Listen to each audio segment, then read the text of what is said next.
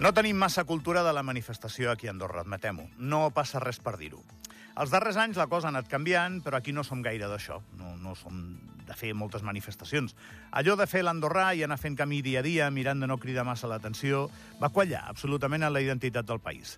L'existència d'Andorra com a país és el fruit d'una sèrie de casualitats externes, moltes d'elles, però la, la part que ens tocava fer a nosaltres l'hem anat fent amb molta habilitat durant segles, aconseguint mantenir-nos independents, en bona part gràcies a aquesta habilitat per no ser mai els primers de la fila en res, per camuflar-nos bé quan ens podia portar problemes significar-nos. I això afecta el tema de manifestar-nos perquè hem crescut sent així de discrets, no, no exterioritzant moltes vegades aquestes queixes, o almenys és la meva impressió. Eh?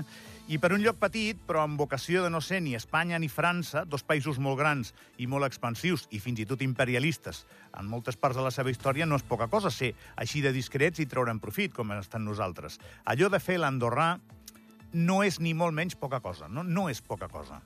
El problema és que igual a Malló ara ja no ens arriba per la següent pantalla i em permetreu el símil gamer de videojocs.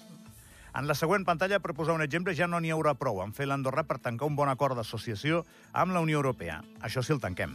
Aquella Andorra d'evitar segons quines converses ja no serà la clau que ens obri gaires portes més, em temo, en converses d'alt calat internacional.